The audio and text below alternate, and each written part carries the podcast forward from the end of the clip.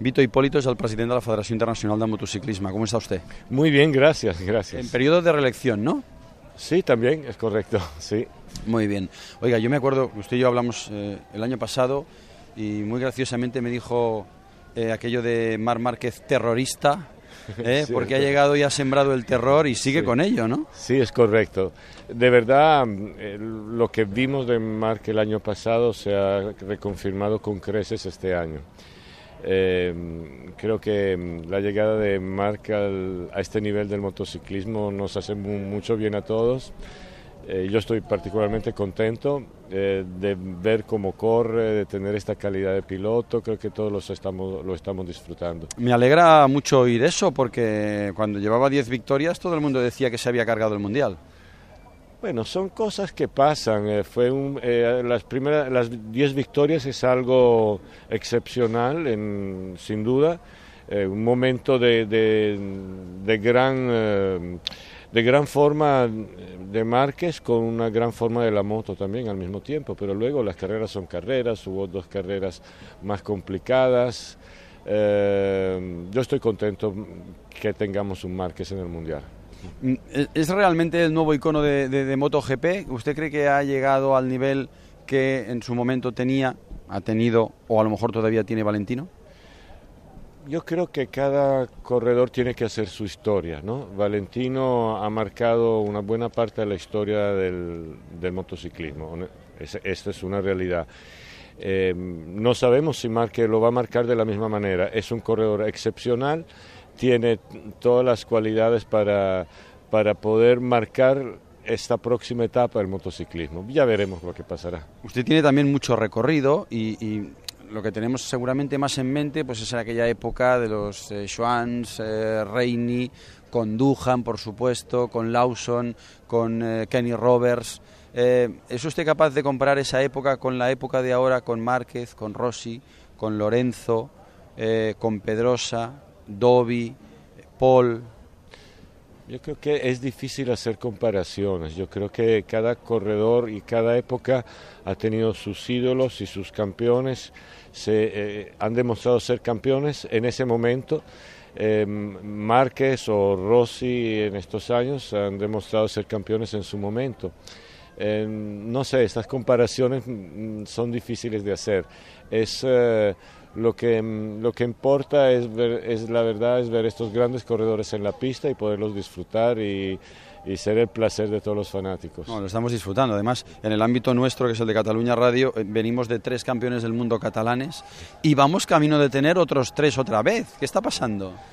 Bueno, ¿Qué, qué hay en Cataluña? Usted ha estado allí. Yo no sé qué hay en Cataluña, lo que sí sé es que la Federación Española ha hecho un excelente trabajo en estos últimos años con los programas de preparación de los corredores, eh, que yo diría que ese programa es un ejemplo es un ejemplo para yo diría para casi todas las demás federaciones.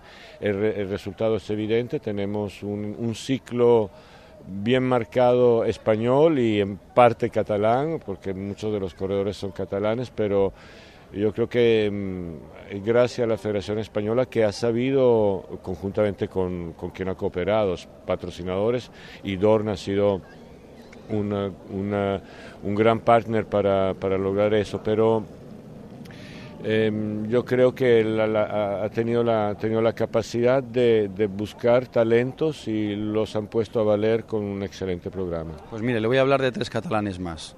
Uno se llama Tony Bou, el la otra se llama Laia Sanz y el otro se llama Marcoma. ¿Qué me tiene que decir? Que en Cataluña trabaja muy bien. Oiga, ¿usted cree que los 16 títulos de, de Tony son comparables a, los 15 de, Agostini? ¿Los 16 de Laia se pueden comparar con los 15 de Agostini? ¿O realmente hay clases y clases? Son, son, primero son disciplinas muy diferentes eh, em, y cada historia, cada historia tiene sus peculiaridades. Em, no, no creo tampoco que sea comparable decir este ganó más porque por, por no sé cuál razón. yo creo que son grandes, grandes pilotos, Tony Bow, Laia y Agostini y otros, ¿no?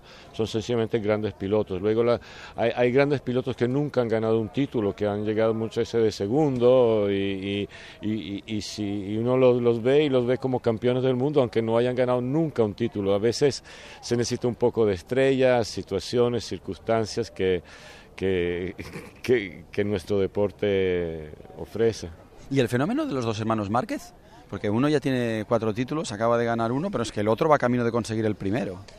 Yo estoy preocupado por el papá de Márquez, porque tener un hijo corriendo ya es mucha preocupación y tener dos, eh, es, eh, yo diría que no, es más que doble preocupación, pero además eh, dos corredores que evidentemente tienen algo en su DNA, como se dice, el papá a lo mejor no lo sabía, eh, pero evidentemente hay algo en la sangre de, de estos dos muchachos hermanos, eh, es impresionante, ¿verdad? Em, ¿Va usted a la próxima carrera en Australia? No, en Australia no estaré, pero muy probablemente estaré en Malasia y por supuesto en Valencia en la última carrera. Pues eh, de los tres catalanes que pueden ganar el título, por lo menos dos los, los va a ver. sí, de acuerdo, está bien. Dos los veré seguro. Muchas gracias. De nada, gracias a ustedes y mucha suerte.